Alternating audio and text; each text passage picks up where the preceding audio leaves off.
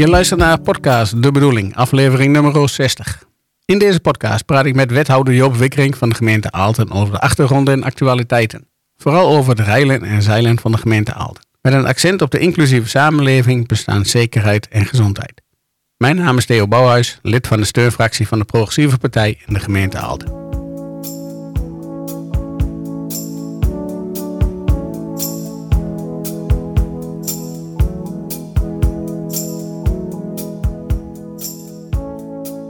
De titel van deze podcastserie is De Bedoeling.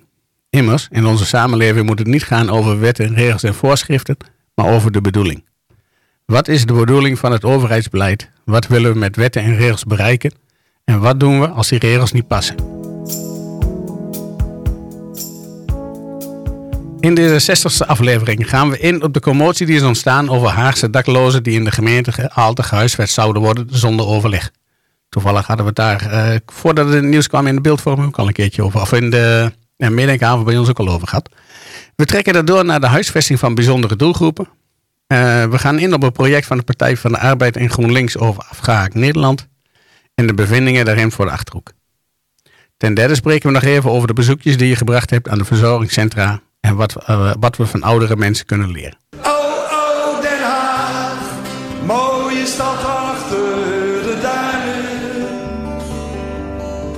De Schildersweg, de lange boten en het plein. Oh, oh, Den Haag, ik zou met niemand willen ruilen. Meteen gaan huilen, als ik geen Hagenees zou zijn. Ik zou best nog wel een keertje, net als vroeger, een nacht hier willen stappen. Mijn boegenwijfje halen en daarna dansen in de marathon. En na afloop op het Rijkswijkse plein een haringje gaan happen. De dag daarna een kater, dus naar Scheveningen, lekker bakken in de zon.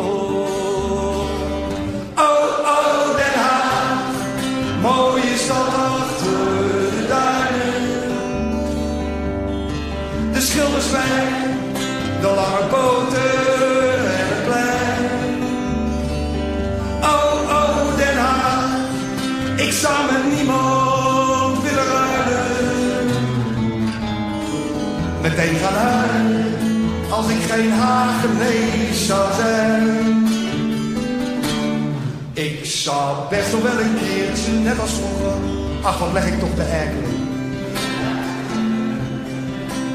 Want Den Haag is door de jaren zo veranderd, voor mij toch veel te vlug. Dat nieuwe eiland voor de kust, moet dat, dat trouwens nou wel zo nodig komen.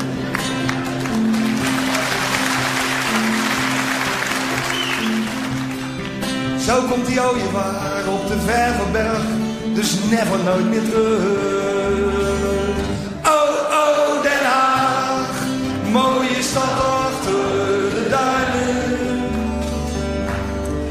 De Schildersweg, de lange boten en het plein. Oh, oh, Den Haag, ik zou met niemand willen ruilen meteen gaan huilen als ik geen Hagenees zou zijn.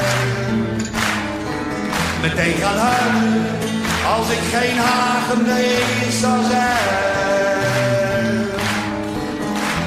Meteen gaan huilen als ik geen Hagenees Uh, Joop, er ontstond deze week nogal wat ophef over een bericht in de Gelderlanden en eigenlijk uh, AD, dus alle andere edities ervan ook, over een project dat Haagse daklozen huisvesting zal worden aangeboden en een verhuispremie van 2750 euro als ze zich vestigen in de gemeenten buiten Den Haag. Vooral de gemeente Aalten werd daarmee geconfronteerd omdat daar een woningcoöperatie zit die het lotingssysteem hanteert. Ja, dat was, dat? Uh, dat was de directe aanleiding natuurlijk. Even een paar dingen. Wat, wat is dat project precies uit Den Haag? En waarom komt men dan in Aalten terecht? Wat zijn de uh, uh, aantallen? Wat, wat, wat weten de gemeenten daarvan? Even een paar dingen dus. Dus allereerst het project in Den Haag. Dat is in 2020 gestart en dat heet Verhuisbox Plus. En men biedt daar mensen die uh, in de daklozenopvang zitten, of anderszins in begeleid wonen of in crisisopvang die dus geen huisvesting hebben, uh, de mogelijkheid om onder begeleiding zeg maar te solliciteren, om het zomaar eens even te noemen, naar woningen elders in het land. Mm en dat moet je als volgt voorstellen. Er, er, komt dan een hulpverlener die gaat mensen begeleiden in het zich melden bij huurwoningen die in de loting zijn. En nou ja, daar wringt zich een beetje het systeem. Niet elke woningcorporatie heeft een lotingssysteem. Uh, wel mag je natuurlijk bij elke woningcorporatie je inschrijven als mhm. huisvestingszoekende uit heel Nederland. Immers, er is vrije vestiging. Maar in dat lotingssysteem heb je een grotere kans om ingelood te worden dan in een ander systeem waar je eerst punten moet opbouwen. In de zin van jaren ingeschreven uh, moet, moeten zijn. Dus eh, die hulpverleners hebben uitgezocht waar nu uh, allemaal in Nederland corporaties zijn met zo'n lotingssysteem. Nou, en daar gaan ze dus mensen die uh, huisvesting zoeken en dat niet in Den Haag kunnen krijgen, mee helpen om te kijken of men daar zeg maar, die huisvesting kan betrekken door middel van ingeloten worden. Nou, daar kun je best een paar vragen bij stellen.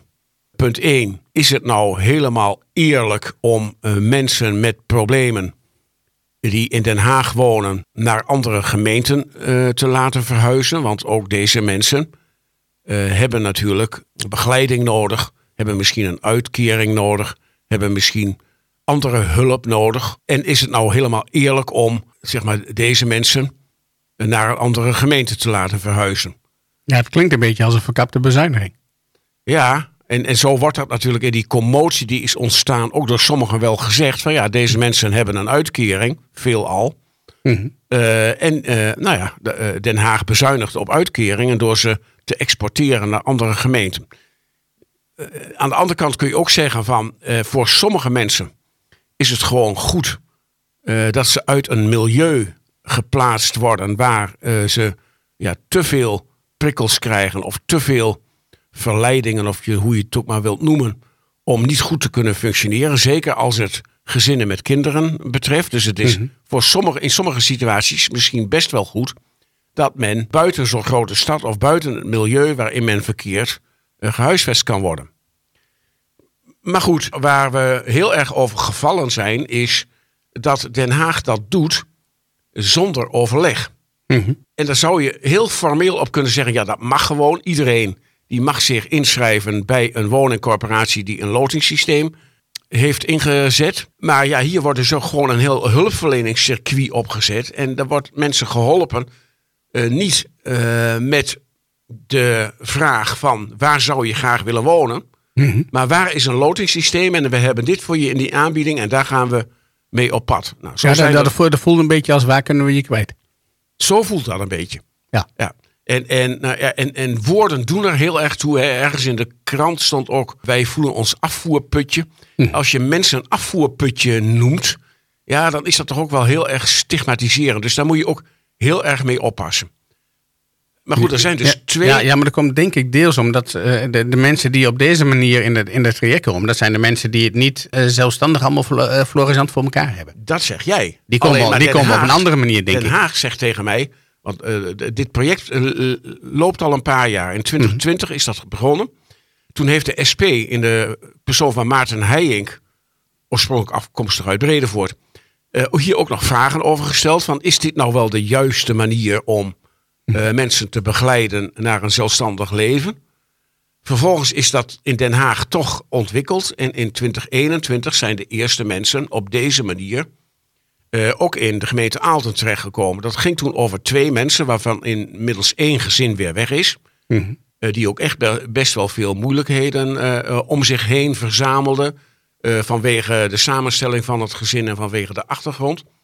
En toen heb ik al in eind 2021 contact gehad met wethouder Arjen Kapteins in Den Haag. En gevraagd om opheldering van hoe zit dit nou precies?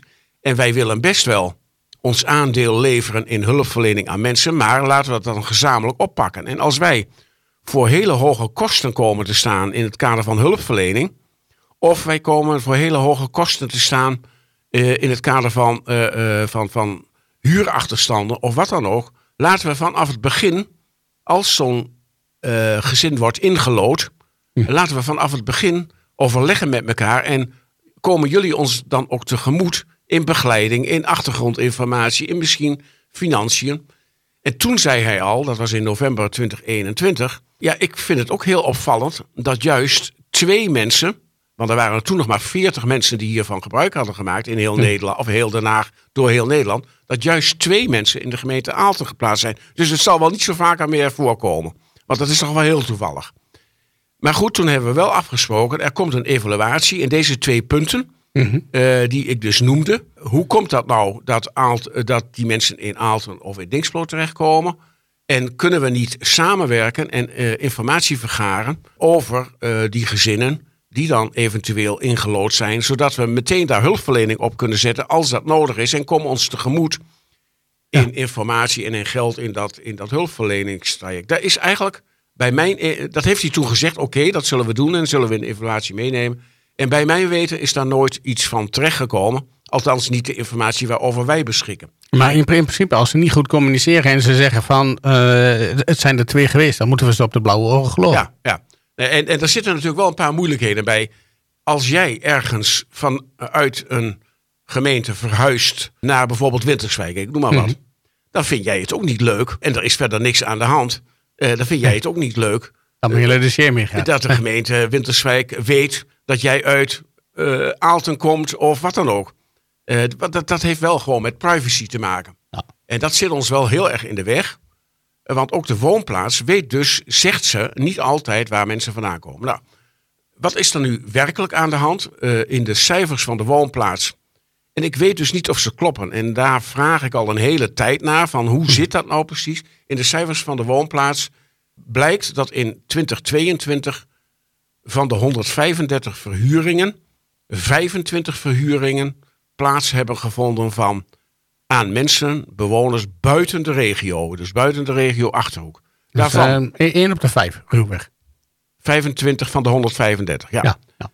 Vijf verhuringen daarvan, mensen komen uit Den Haag. Mm En zeven uit Amsterdam. Dan zegt dat allemaal nog niks natuurlijk. Want men weet dus niet of ze via dat project verhuisbox, zoals dat heette, ja. uh, hier terechtgekomen zijn.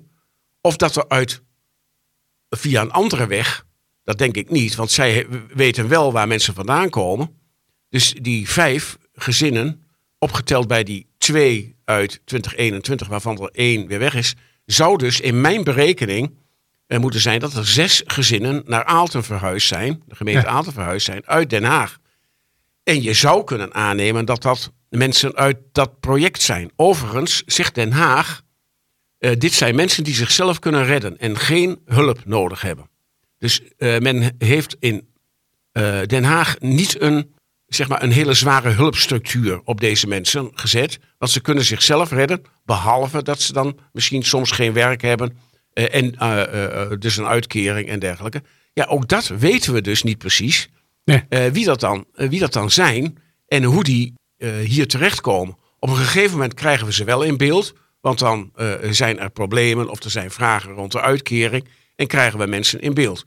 Dus dit hele verhaal geeft mij uh, aanleiding weer om nog eens een keer weer contact met die wethouder op te nemen. Overigens is dat, heeft hij inmiddels een andere portefeuille, dus moest met een andere wethouder opnemen. Van hoe zit dit nou precies? Waarom nemen jullie geen contact op en waarom doe je niet wat je beloofd hebt, namelijk kijken wie er dan naar de gemeente Aalten komt en of daar een hulpverleningspakket op gezet moet worden. Ik kan me best voorstellen als er iemand hier heen komt, uh, uh, verhuist, wat allemaal gewoon volgens de regels is, dan moet je daar meteen bovenop zitten. En niet eerst een, een half jaar laten sudderen en dan kijken of er huurachterstanden zijn of dat er problemen met de buurt zijn. Dat moet meteen gebeuren. Mhm. nou, dat, is punt één.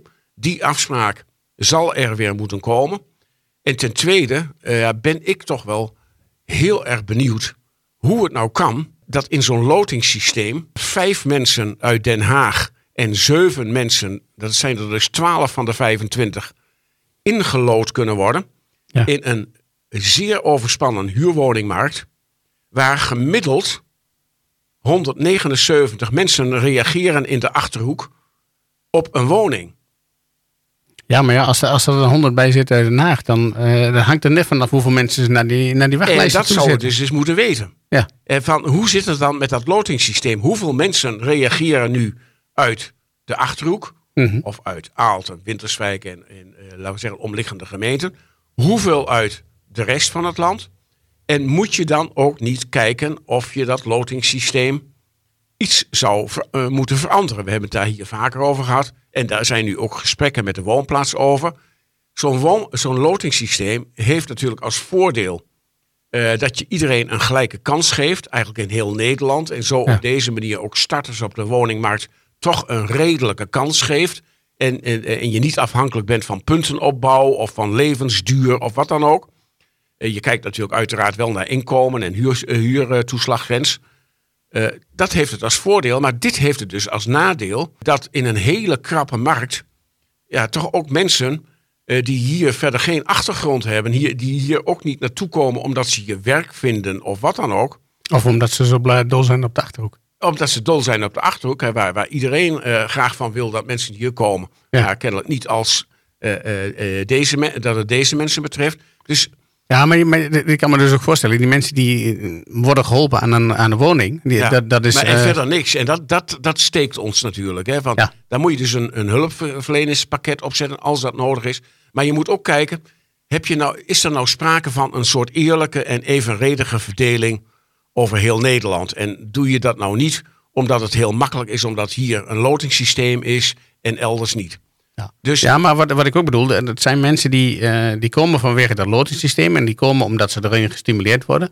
Maar die komen niet omdat ze uh, um, de, de achterhoek zo waarderen en graag een deel willen uitmaken van de achterhoek. Nee, precies, dat zei ik ook in het begin. van dus, Zo'n hulpverlener vraagt niet van waar, waar, je waar wil je graag wonen en wat zijn je dromen, wat, waar zijn je, wil je graag werken. Nee, die zegt van we hebben een paar corporatiesystemen, zo'n zo'n lotingssysteem, laten daar eens even mee beginnen. Ja. En, en, dan kom je dus ergens terecht. En dat, dat was ook bij dat ene gezin waar ik het over had, wat alweer weg is. Ja, dat kon hier gewoon niet aarden. Dat wilde gewoon weer terug naar Den Haag. En dat is ook gebeurd. Dus uh, wat ik maar wil zeggen is dat we het heel goed moeten uitzoeken wat hier nou allemaal achter zit. Mm Er stond vanmorgen ook in de krant dat uh, uh, een wethouder of de gemeente Den Bosch, waar dit ook speelt, ja. protest wil uit, uitbrengen bij de gemeente Den Haag. Maar hij zei ook, wij weten niet eens om hoeveel mensen dit gaat.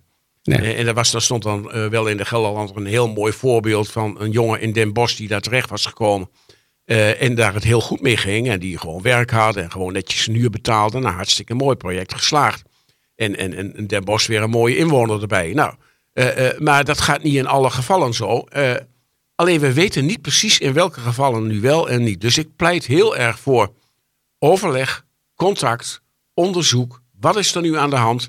En hoe kan het dat in dat lotingssysteem toch ook 25 mensen uh, vanuit buiten uh, de regio uh, er doorheen gaan, die wellicht niet voor de eerste, in de eerste plaats kiezen voor de omgeving waar men mm woont, maar misschien toch ook wel als ik maar een huis heb. Nou, en, en dat brengt mij natuurlijk bij het grote probleem in Nederland Waar we natuurlijk enorm voor op moeten passen dat we nou niet de mensen uit Den Haag, de, die dit betreft en die ja, met alle goede bedoelingen misschien ook meegaan in dat hulpverleningstraject en zeggen: nou, Oké, ik moet een huis hebben, dus ik ga maar meeloten. Dat we niet die slachtoffers van dat systeem gaan blamen. Hè? Dat noemen ze blaming the victim. Dat moeten we echt niet doen. Dat zie je ook een beetje bij statushouders en asielzoekers. Uh, we moeten absoluut niet deze mensen de schuld geven van dat zij ingelood worden in huizen die ook natuurlijk heel graag bewoond zouden willen worden van mensen uit de eigen regio. Want dan moeten we kijken, is dat lotingssysteem wel terecht? En moet je toch niet een soort combinatiesysteem maken? En je moet natuurlijk als een gek alternatieve huisvesting bijbouwen, zeker in de sociale huur. En dat is hier natuurlijk wel heel lang achtergebleven. Wij hebben maar 18% van onze woningen is maar sociale huur. Dus er zitten veel meer aspecten aan dan alleen maar. Oh, wacht even, er komen daklozen uit Den Haag. Ik was ook absoluut niet blij met de foto's in de Gelderlander. Dat, ging, dat waren heel stigmatiserende foto's van daklozen die een warme potje kookten in een tunnelbak. Daar gaat het helemaal niet over, over dat soort mensen. Althans, dat heeft men ons gezegd. Ja, maar ja, de, de communicatie is niet heel erg uh, open, open, vanuit Den Haag. Dus misschien ook even met, uh, met de mensen van Den Bosch uh, samen optrekken. Ja, ja, ja. Overigens moet ik wel zeggen, dat, dat is een voorbeeld de andere kant op. Dat, dat weet ik, maar dat is al behoorlijk wat jaren terug hoor. Maar van, van een stel vanuit de Aalten wat, wat to, toch veel drugsproblematiek heeft gehad. En eigenlijk ondanks verschillende trajecten nooit erg afkwam. Die hebben ze in een afge, afkiktraject gezet en weggehaald uit de eigen omgeving. Dus weggehaald uit, uit de gemeente Aalten. Mm en die zijn naar Drenthe volgens mij verhuisd. Maar, maar die, zijn, die, zijn daar inderdaad wel weer goed terechtgekomen. En heeft, is juist die, uh, die, die verandering van leefomgeving is, is een belangrijke factor voor toch de draad ja. erop pakken. Ja, ja nou, nou, daar heb je gelijk in. Ik, ik denk dat, dat, dat verandering van leefomgeving, dat dat best een goed argument is mhm. om uh, mensen elders te plaatsen. Aan de andere kant zie je ook in heel veel hulpverlening uh, dat er maar gesleept wordt met mensen. Zeker in de jeugdzorg gebeurt dat ook. En dan willen we heel graag natuurlijk dat dat zo nabij mogelijk uh, wordt gegeven, die, die hulp. Maar sommige gemeenten zijn natuurlijk mensen die veel hulp nodig hebben, liever kwijt dan rijk. En uh, dus dan wordt er gesleept met jongeren. En hier zie je dat ook een beetje hè, van een, een soort oorspronkelijke bedoeling lijkt te zijn. Wij hebben hier in Den Haag onvoldoende ruimte, onvoldoende woningen om mensen die eigenlijk opnieuw moeten beginnen weer te huisvesten. Uh, laten, we, uh, laten we deze mensen maar proberen uh, elders onder te brengen. En dan is het juist zo goed dat er overleg is. Nou, ik denk dat we langzamerhand op een punt komen, doordat er veel te weinig sociale woningen zijn in heel Nederland. En de, de doelgroepen die in aanmerking komen voor deze sociale woningen steeds groter worden en met name mensen met problematieken steeds groter worden, dat dit wel een soort van nationaal probleem is. En dat je het niet moet laten uitvechten van de ene gemeente, die schuift ze naar de andere gemeente en die wordt dan weer boos en die schuift. Ja, dan krijg je een soort spel uh, en een soort afschuifsysteem voor mensen met, met problemen. En dat moeten we gewoon niet hebben. We moeten dus nationale regie hierop uh, op hebben. En ik kan me best wel voorstellen dat je zegt, nou, we hebben mensen met echt een grote hulpvraag. Uh, en daarvan is het goed dat ze niet in de grote stad zijn. Maar dat je net zoals bij statushouders of iets dergelijks, dat je een soort quotum vaststelt. Zo van hm. zoveel moet, je, moet elke gemeente er toch opvangen. Ja, en, uh, nou ja, ik vind het wel leuk dat je met die statushouders komt. Statushouders en asielzoekers zijn, blijken de gemeentes ook niet altijd even goed in staat om elkaar te ondersteunen en gelijk op te trekken. Nee, nee. Heel triest. Nee, er is nu uh, in Nederhorst den Berg, niet de allerarmste gemeente, is vandaag ook bekend geworden, al vorige week, eh, dat men daar geen asielzoekerscentrum wil hebben, want er is te veel protest vanuit de samenleving. 350 mensen zouden komen. Nou, de nieuwste cijfers zeggen ook dat er behoorlijk wat asielzoekers komen. En dat wordt langzamerhand een nationaal probleem, wat je niet maar alleen door gemeenten kunt laten oplossen. Dus ik pleit ook wel voor regie vanuit het Rijk. Ook kijken wat voor doelgroepen hebben we nou allemaal die we als gemeente moeten huisvesten. En dat zijn niet alleen statushouders, dat zijn niet alleen uh, mensen vanuit Den Haag, maar ook mensen vanuit de GGZ. Uh, uh, spoedzoekers, mensen die opeens in de problemen zitten, in de crisisopvang. Laten we daar nou eens goed naar kijken. En dat, dat gebeurt er ook. Hè. We kijken nu ook breder naar een soort van lijst van mo huisvestingmogelijkheden voor deze groepen. maar het is, het is ontzettend gevaarlijk dat je deze zwakkere en kwetsbare groepen tegen elkaar uit gaat spelen. Ja. En dan ook nog het perspectief natuurlijk van de mensen die er al wonen. Dat begrijp ik best. Dat is ook heel moeilijk als je steeds in jouw wijk maar mensen krijgt die hulp nodig hebben en waar wat mee is. Nou, dat moet gewoon goed begeleid worden. Maar beter nog zou zijn dat er gewoon veel meer sociale woningbouw bij zou komen. Daar zou, daar zou het sowieso een, een, stuk beter van worden. Nou ja, dat vind ik een mooie afronding van, van, van dit stuk. Gaan wij even naar een stukje muziek.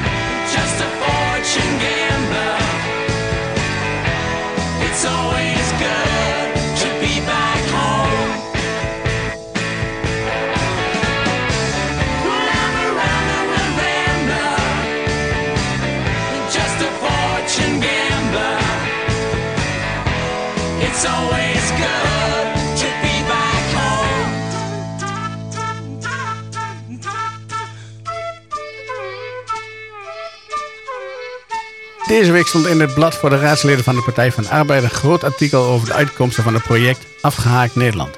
Wat inhield een ronde langs een aantal projecten, interviews met sleutelfiguren en een eerste conclusie. Joop, jij zit ook in die groep bestuurders die dit project heeft opgepakt. Wat is het voor een project? Ja, daar hebben we het hier al eens vaker over gehad. Dat, uh, de Achterhoek is daarbij betrokken.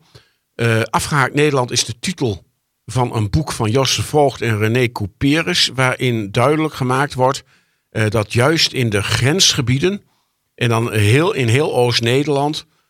van zeg maar Oost-Groningen tot aan Zuid-Limburg. Mensen het vertrouwen in politiek verliezen. Goh, wij hebben dat vaker gehoord, zou ik zeggen. Hè? Ja.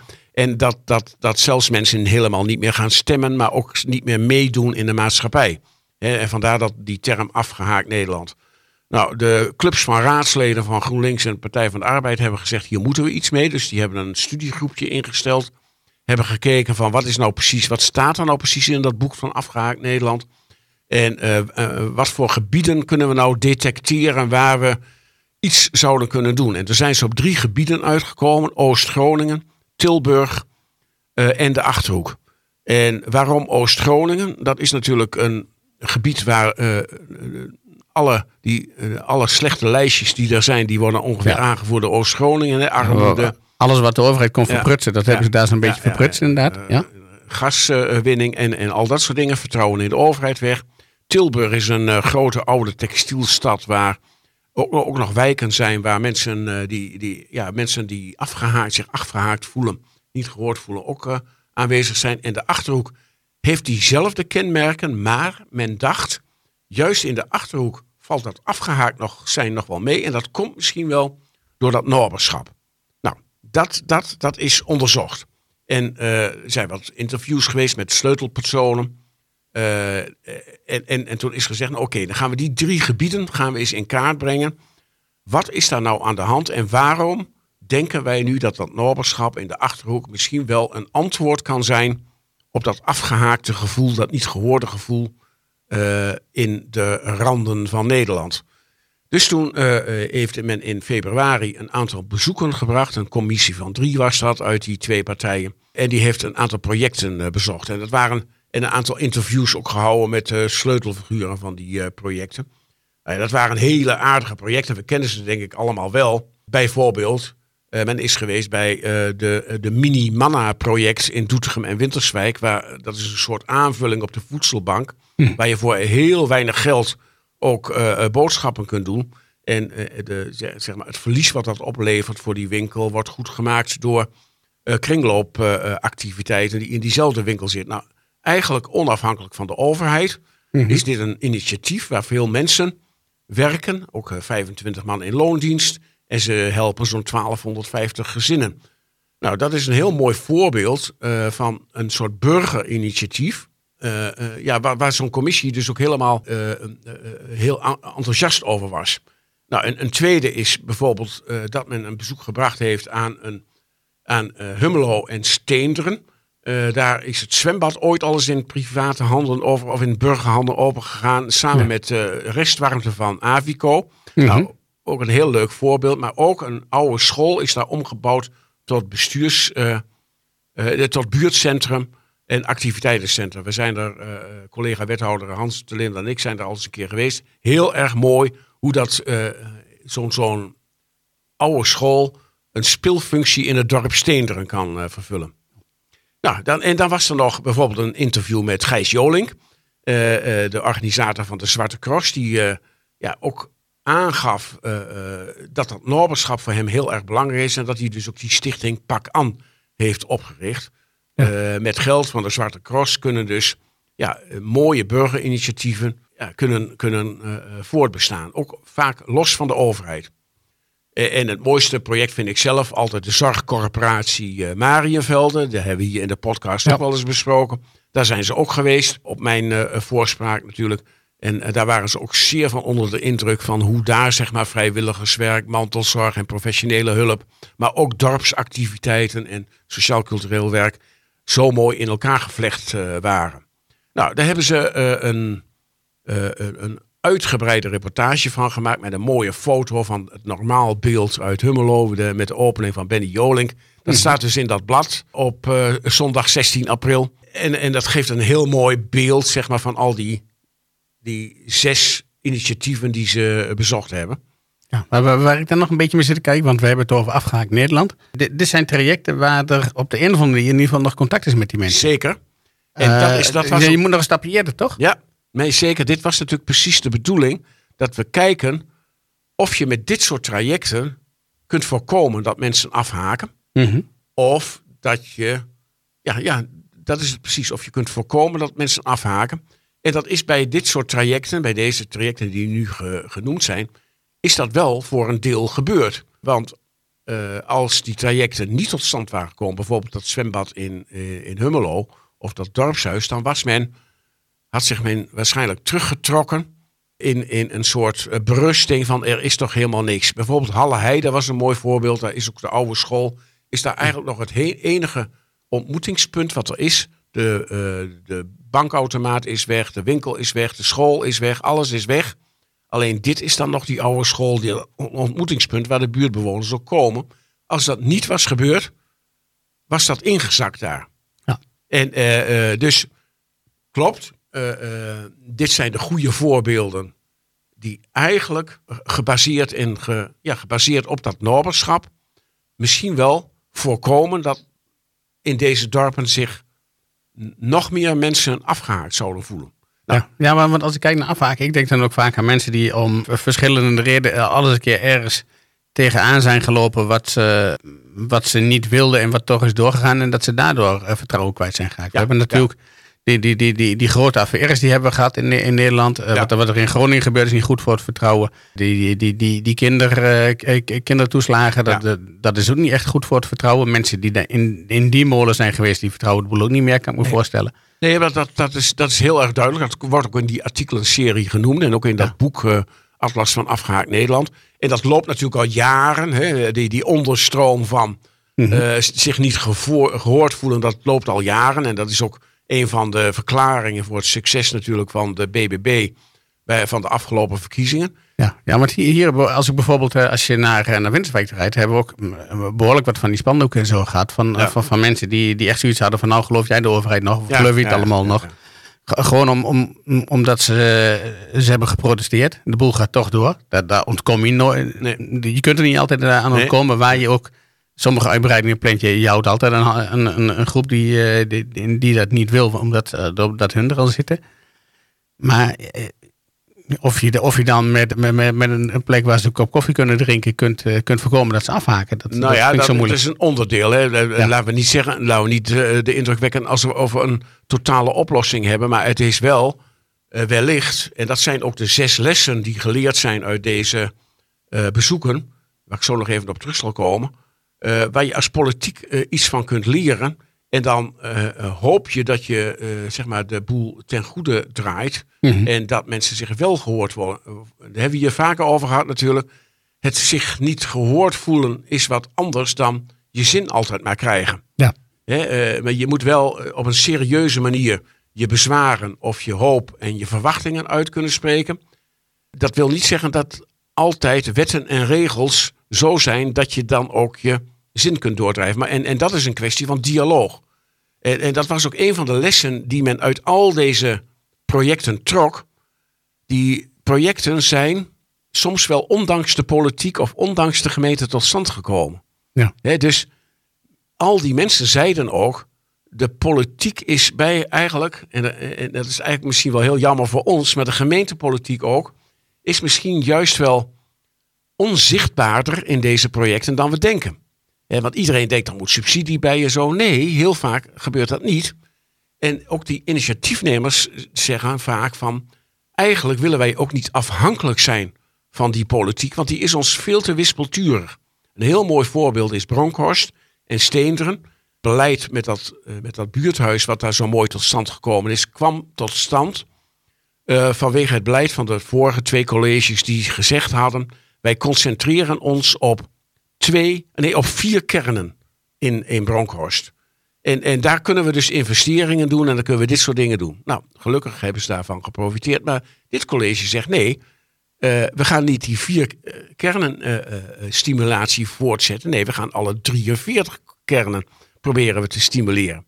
En dat bedoelt men met die wispelturigheid van de vierjarige colleges en coalities, die dit soort initiatieven natuurlijk heel erg moeilijk kan maken. Dus dan kun je beter maar op jezelf gaan staan. Dus de wispelturigheid van de politiek, dat is een les. Dat moeten we eigenlijk niet doen. We moeten langjarig, denk ik, aan initiatieven steun geven.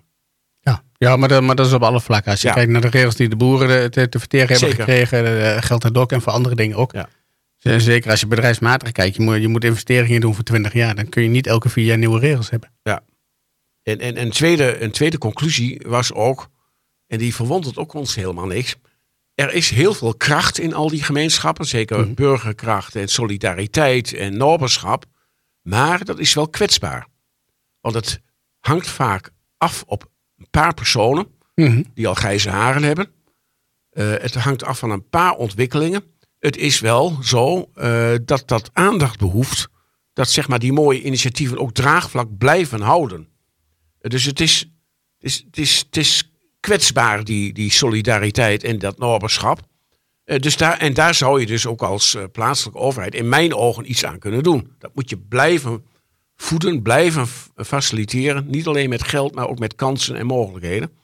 Ja, en je moet zorgen dat mensen, uh, dat ook de jongeren, de voldoende ruimte hebben om, de, om dingen samen te doen. Want die, die jongeren die dat nou doen, dat zijn de mensen die dat over 40 jaar dat je mensen hun, hofje moeten doen. Ja, en dat je die jongeren ook aanspreekt en erbij betrekt.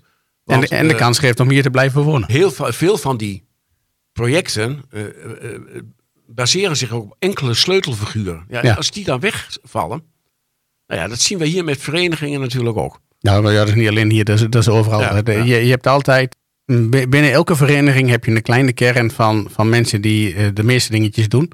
Dat hoort ook, ja, ik zou bijna zeggen, dat hoort ook zo. Dat, maar dat is, dat is van oudsher project natuurlijk. Dus als nee, je ja, maak het project borgen, zoals het er mooi heet, moet je, moet je ook zorgen voor die borging. En zeker als het onafhankelijk van de overheid moet. Hmm. En dat is een uitdaging voor al die gemeenschappen. En dat zouden wij als gemeentebestuur natuurlijk moeten ondersteunen.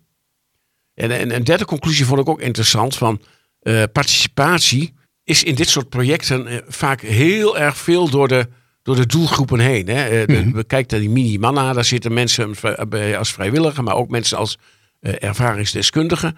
Mhm. En het is niet de participatie-elite die wij ook wel eens noemen. Hè, als we een participatietraject uitzetten over een project of wat dan ook om mee te doen in de samenleving, dan zie je vaak dezelfde mensen die dan komen inspreken of daar een mening over hebben of iets willen tegenhouden of juist niet. En hier bij dit soort initiatieven zie je juist dat het heel erg uh, door, de hele, uh, door de hele samenleving heen gaat. En een vierde conclusie was, en ook dat is eigenlijk niks nieuws, maar we kunnen er wel weer rekening mee houden. Die systeemwereld die wij met z'n allen gecreëerd hebben, of die de overheid met z'n allen gecreëerd hebben, die is nog wel eens een obstakel voor het tot stand komen van initiatieven. Hoe we elkaar dus overheid, probeer ook je eens terug te trekken. En zeggen van, nou, de mensen die weten zelf wel uh, wat, wat goed is voor hun. Uh, en laat ze dat ook doen. Natuurlijk heb je met wet en regelgeving te maken, maar maak het nou niet heel erg onmogelijk allemaal. Uh, er werd een mooi voorbeeld genoemd, ook uit die mini-mannenmarkt. Van als je dus iemand hebt met een aangeboren, niet aangeboren hersenletsel. En die heeft dus bijvoorbeeld een uitkering in, in als, als uh, een bijstandsuitkering en je verplicht zo iemand toch elke maand te moeten solliciteren. Hm. Ja, dat helpt natuurlijk allemaal niet. Dat zijn die werelden die zo uh, enorm op elkaar botsen. Dus daar moeten we ook naar kijken. Dit bestaan ja, zeker. Ja, maar dat, maar dat vind ik moeilijk. De, de een heeft juist een beetje uh, dat duwtje nodig. Die stimulans nodig. Ja. En, en de andere zet juist de hak in de zand en werkt het averechts. Ja, maar er is geen één oplossing. En nee. dat bedoelen ze dus met systeemwereld. Hè. De systeemwereld is, er is maar één oplossing. Ja. Uh, maar je moet, je moet kijken wat hebben mensen nodig en hoe kunnen we ze daarin ondersteunen. En de een is dat inderdaad een schop onder de kont en de andere is het een, een warme hand zeg maar, op de schouder. Ja. ja, met gemiddelde oplossing red je het gemiddelde. Maar dan valt er altijd links en rechts vallen er, uh, en, en, die mooie goudskrommen valt er weer af. En een van, een van de, de vijfde conclusie was van uit al die projecten waar mensen in bezig zijn, als je hoofd vol zit met overleven, mm dan heb je helemaal geen tijd om te kijken naar allerlei mooie initiatieven. Dus uh, komen we weer, die bestaanszekerheid is zo enorm belangrijk. Nou, dat waren vijf conclusies uit die project. En er was er eigenlijk geen één die zeg maar over dat afgehaakt zijn ging in relatie tot zeg maar Oost-Nederland, uh, platteland en grote stad. Mhm. Want de laatste conclusie was de kloof tussen Randstad en platteland is er wel, maar dat is vooral een kloof uh, tussen de Haagse politiek en wat daar vandaan komt in het platteland. Want juist ook mensen in steden kunnen het, ja, zeg maar het, uh, het, het slachtoffer worden van die Haagse politiek. Net zoals ze dat hier in de dorpen. In de... Dus ik vond dat wel mooie conclusies. Uh, die ook nog verder uit gaan werken. En een bezoek in Oost-Groningen volgt en een bezoek in Tilburg volgt. En die gaan we die conclusies eens naast elkaar leggen. En dan hoop ik dat we een paar handelingsperspectieven krijgen, ook als gemeentebesturen. Hoe kunnen we nou voorkomen dat mensen afhaken? Dat is niet, denk ik, om hun alleen maar op alle gebied hun zin te geven. Mm En de stikstofproblematiek uit te stellen van 2030 naar 2035. Ah, uitstel is nooit een goede oplossing. Is, doorschuiven is nooit een goede oplossing. Nee, ik ken geen enkel probleem wat is opgelost dat uit te stellen. Maar, maar wel om te horen, wat zijn nou de dromen en de wensen van mensen en kunnen we daar op inspelen. Nou, ik vind dat een mooi proces. Zaterdag was er een ledenvergadering van de provinciale afdeling van GroenLinks en die heeft ook gezegd, we gaan hier met een werkgroep ook verder over doordenken. Hoe krijgen we nou dat afgehaakt zijn uh, in de hand? Krijgen we dan nog over een jaar of uh, vijf bijvoorbeeld een rapport aangehaakt Nederland? Dat we, kunnen, dat, dan toch, dat, dat, we kunnen zien wel, welke projecten hebben, hebben goede resultaten gehad. dat lijkt me natuurlijk ook wel. mooi zijn. Hoe, hoe, ja, hoe voorkom je dat uh, mensen afhaken? Maar dat is de negatieve uh, vertaling natuurlijk. En precies wat jij zegt. Mooier zou zijn is, hoe haken we aan? Ja, maar dat, dat kan een evaluatie zijn over, over een paar jaar van, van dit project natuurlijk. hè? Dat we, hoeveel mensen hebben we weer kunnen aanhaken? Ja.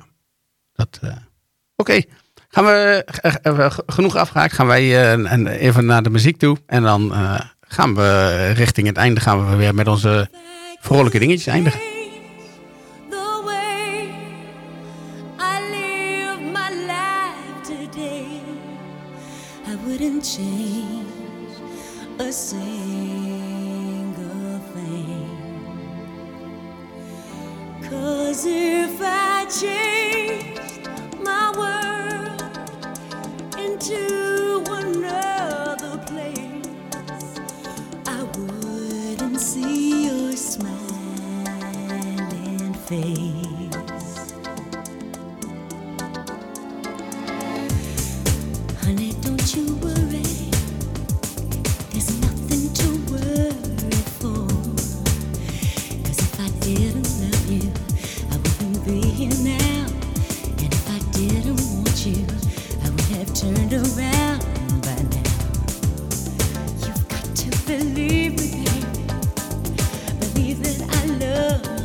so. Cause if I didn't love you, I would have turned around. And if I didn't want you, then I would want you out.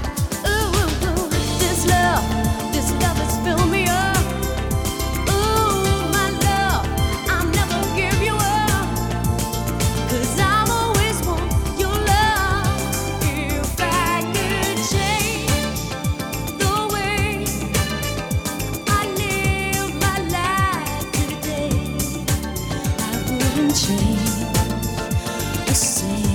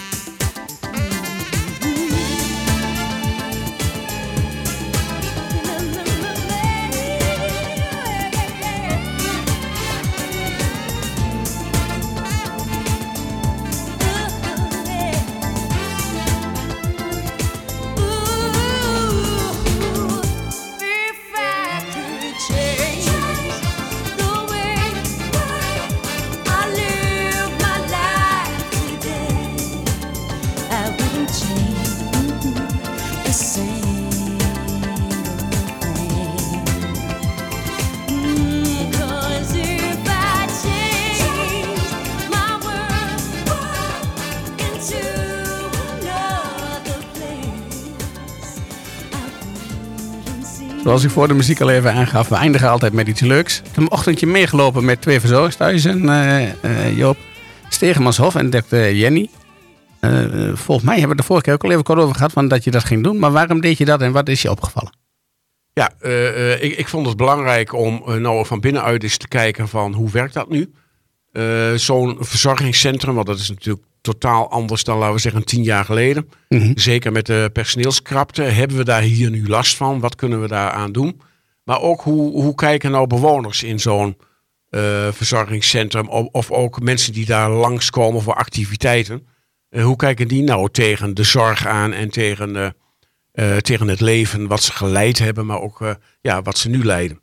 En, en, hoe kun je dat nou beter doen door gewoon een, een morgentje mee te lopen? Uh, met alle activiteiten, koffie drinken, mensen ophalen, uh, uh, gymnastiek doen, mm kaarten, spelletjes, praten met mensen, eten met mensen, eten bezorgen. Nou, al dat soort activiteiten heb ik dus twee morgens gedaan. En dan vallen mij twee dingen op. Eén, ik heb best indringend met een aantal personeelsleden gesproken, ook van de thuiszorg, hè, die niet zozeer de mensen verzorgen die in die centra zitten, maar juist uh, die zorgen dat ze er niet naartoe gaan. ja, die zorgen dat ze er niet ja. naartoe gaan. Ja, die ervaren wel een enorme druk uh, qua tijd, maar ook een enorme regeldruk. Hè. Daar moet van alles gerapporteerd worden. De wetten mhm. werken soms heel erg tegen elkaar. Hè. Dat hebben we hier al vaker over gehad. Maar ook capaciteitsplanning is natuurlijk heel erg lastig. Uh, soms heb je een, een caseload van, van tien. Uh, Soms van, uh, en dan overlijden er een paar of er gaan wat naar een verzorgingshuis en dan zijn er opeens vijf en dan volgend, volgende week weer vijftien. En plan dat allemaal maar eens. Dus ook met, met, met taken die je moet doen. Hè? En, en, de thuiszorg heeft een afgebakend aantal taken. andere taken moeten weer opgenomen worden voor, voor, door de wijkverpleging. En weer andere taken door de huishoudelijke hulp. En weer andere taken door de medische sector. Dus die worden daar ook wel een beetje gek van. Dus ik denk ook dat we echt die bezem door die wetten moeten halen. Daar zijn we in de Achterhoek wel een beetje mee bezig. Ook in het kader van dat integraal zorgakkoord. Uh, wat gesloten is. Maar het moet echt anders. Anders dan uh, draaien we die zorg echt over kop. En, en uh, met, met, met personeelstekorten die er al zijn. Nou, over dat personeelstekort. Dat valt hier nog wel mee, maar men ziet het ook aankomen. En dan eh, roept iedereen, ook deze week weer, een rapport uh, van vrouwen moeten maar meer gaan werken. Nou, ik heb met alle vrouwen daar gesproken en die zeggen van ja, wij kunnen, punt 1, niet meer werken. Want wij hebben thuis nog een paar dingen te doen. Uh, we hebben ook nog een oude moeder die uh, verzorgd moet worden. Of we hebben kinderen die van school gehaald moeten worden. Maar het werk is ook gewoon zwaar. En dat kun je niet vijf dagen, acht uur per dag achter elkaar doen. Dus uh, die roep om meer te werken uh, in, in, in de zorg, die is maar deels in te, uh, in te vullen door, door ook meer uren te werken voor de bestaande medewerkers. Dus je zult er ook instroom moeten hebben. En dat betekent dus ook dat je, dat je, dat je nieuwe instroom moet hebben van, van bijvoorbeeld zij-instromers, maar ook van mensen die opgeleid worden. Ik sprak een stagiaire uh, en die zei, ja, ja de, de arbeidsvoorwaarden moeten natuurlijk wel uh, goed zijn. Anders kiest men voor een andere richting. En dat, dat zag zij ook op haar opleiding. Dat er toch mensen uit de zorg uiteindelijk uh, naar een andere richting gaat. Gelukkig ook andersom. Mm -hmm. gisteren op de techniekdag sprak ik nog iemand die zei... ja, nou hebben we een jongen bijna opgeleid tot in, in, een of ander technisch vak... en dan gaat hij toch in de zorg werken. Ik zei, dat is toch ook mooi? Maar dat is ook tekort. Dus dat, dat voor wat betreft het uh, personeel, dat die werkdruk toch wel uh, gaat komen. Ja, maar daar, daar zit natuurlijk ook uh, regeldruk verminderen, ja. zal daar ook een belangrijke ja, factor ja, ja, ja, dus, dus al het rapporteren en alle. als je nou zegt, nou ja, geef nou de professional, degene die het beste weet wat er, wat er gebeuren moet, omdat hij ook het meeste in contact staat met die inwoner. Mm. geeft hij nou de vrijheid om te doen uh, wat er is, uh, is te doen. Ik hoorde op de radio een schrijnend voorbeeld van een case manager dementie die dus langs vier loketten moest om voor zijn cliënt een douchestoel van 150 euro uh, te, te, regelen. En dan denk je al haast van ik bestaal het eerst wel uit mijn eigen zak en dan Ja, dan gaan we wel kijken wat we gaan we wel kijken wat we. Gelukkig, dit gebeurt allemaal waarschijnlijk niet in de gemeente Aalten. En ook niet in de Achterhoek. Maar het sluipt er wel in als je met zoveel regels en loketten gaat werken. Ja, klopt. Nou, dan nog even over die bewoners. Want we lopen misschien ook al wel tegen het eindje van deze podcast. Maar dat was zo ontzettend leuk. Uh, dan, heel, dan helpt het ook wel heel erg goed natuurlijk dat je hier uit de buurt komt en je kent al die families. En dan heb je hele gesprekken uh, met, uh, met mensen die je nog van vroeger kent. En waar woon je dan en waar ben je van? En oh ja, hoe ging dat dan? En die hebben daar mooie verhalen over. Ook mensen die komen voor de, voor de dagbesteding. Dat was met name bij dokter Jenny. En dan, dan, dan komt men ook wel met, met, met verhalen en problemen waar wij niet zo gauw aan denken. Hè. We hebben een hele discussie gehad bij dokter Jenny over het afschaffen van de accept girokaarten. Ja. ja, dat is een probleem voor mensen. Dat is een heel groot probleem. Ja, of het alleen maar uh, uh, digitaal kunnen bankieren. Sommigen vinden het prachtig, maar sommigen die snappen het niet en die hebben geen dochter hier in de buurt wonen die dat even voor hun kan regelen.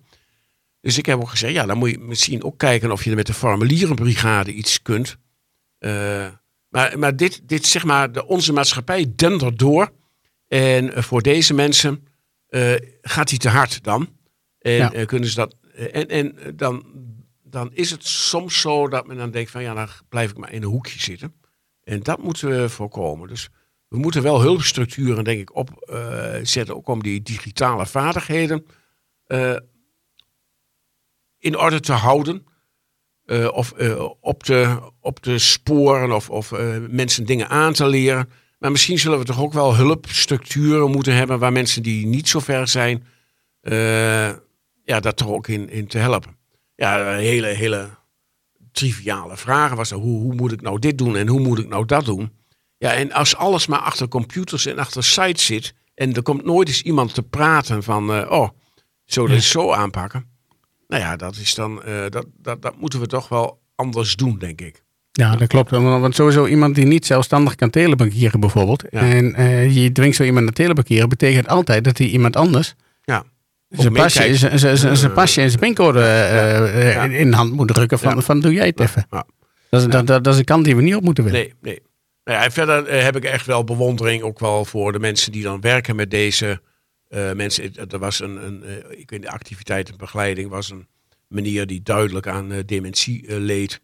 En, en daar zit zo'n activiteit en begeleider dan woordjes mee te oefenen en plaatjes mee te bekijken. En dat is bijna ontroerend om te zien hoe men dan hun best doet om, om meneer toch nog een beetje bij de les blijven. Terwijl je weet dat dementie natuurlijk een hele progressieve uh, uh, ziekte is, waar, waar, waar, die steeds verder weg zal vallen, zakken. dus dus ja, het is, het is wel mooi om te zien dat daar veel aandacht voor is. Ja, en, en dat afgezet tegen alle cijfers die we zien, dat, dat in 2050 de helft meer aan mensen met dementie zal zijn.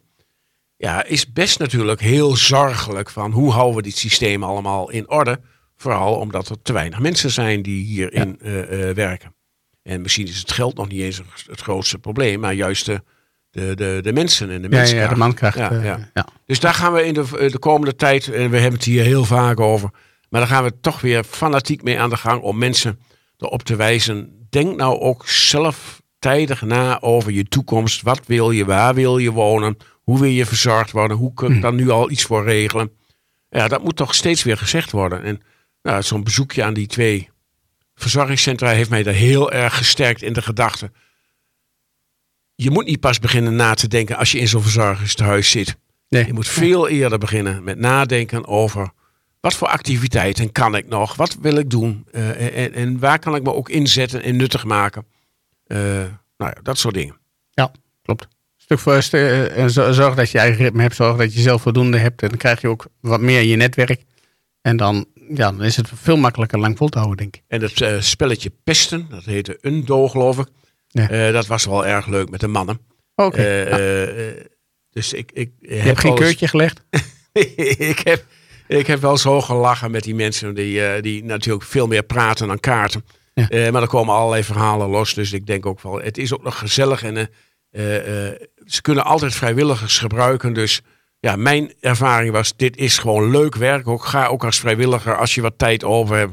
Gewoon eens met mensen keuvelen, praten en spelletjes doen. Dat vinden ze ja. allemaal zo leuk. Ja. Dus meld je bij die, bij die verzorgingshuizen als je wat tijd over hebt. Ja, Nou, vind ik een hele mooie positieve oproep om, om je af te sluiten. Ronden wij hier de podcast mee af. Uh, spreken jou hier in de studio in ieder geval weer over, over twee weken. ongetwijfeld hebben we tussentijd over contact. Bedankt. te doen. Tussentijd. Ja. Tot ziens.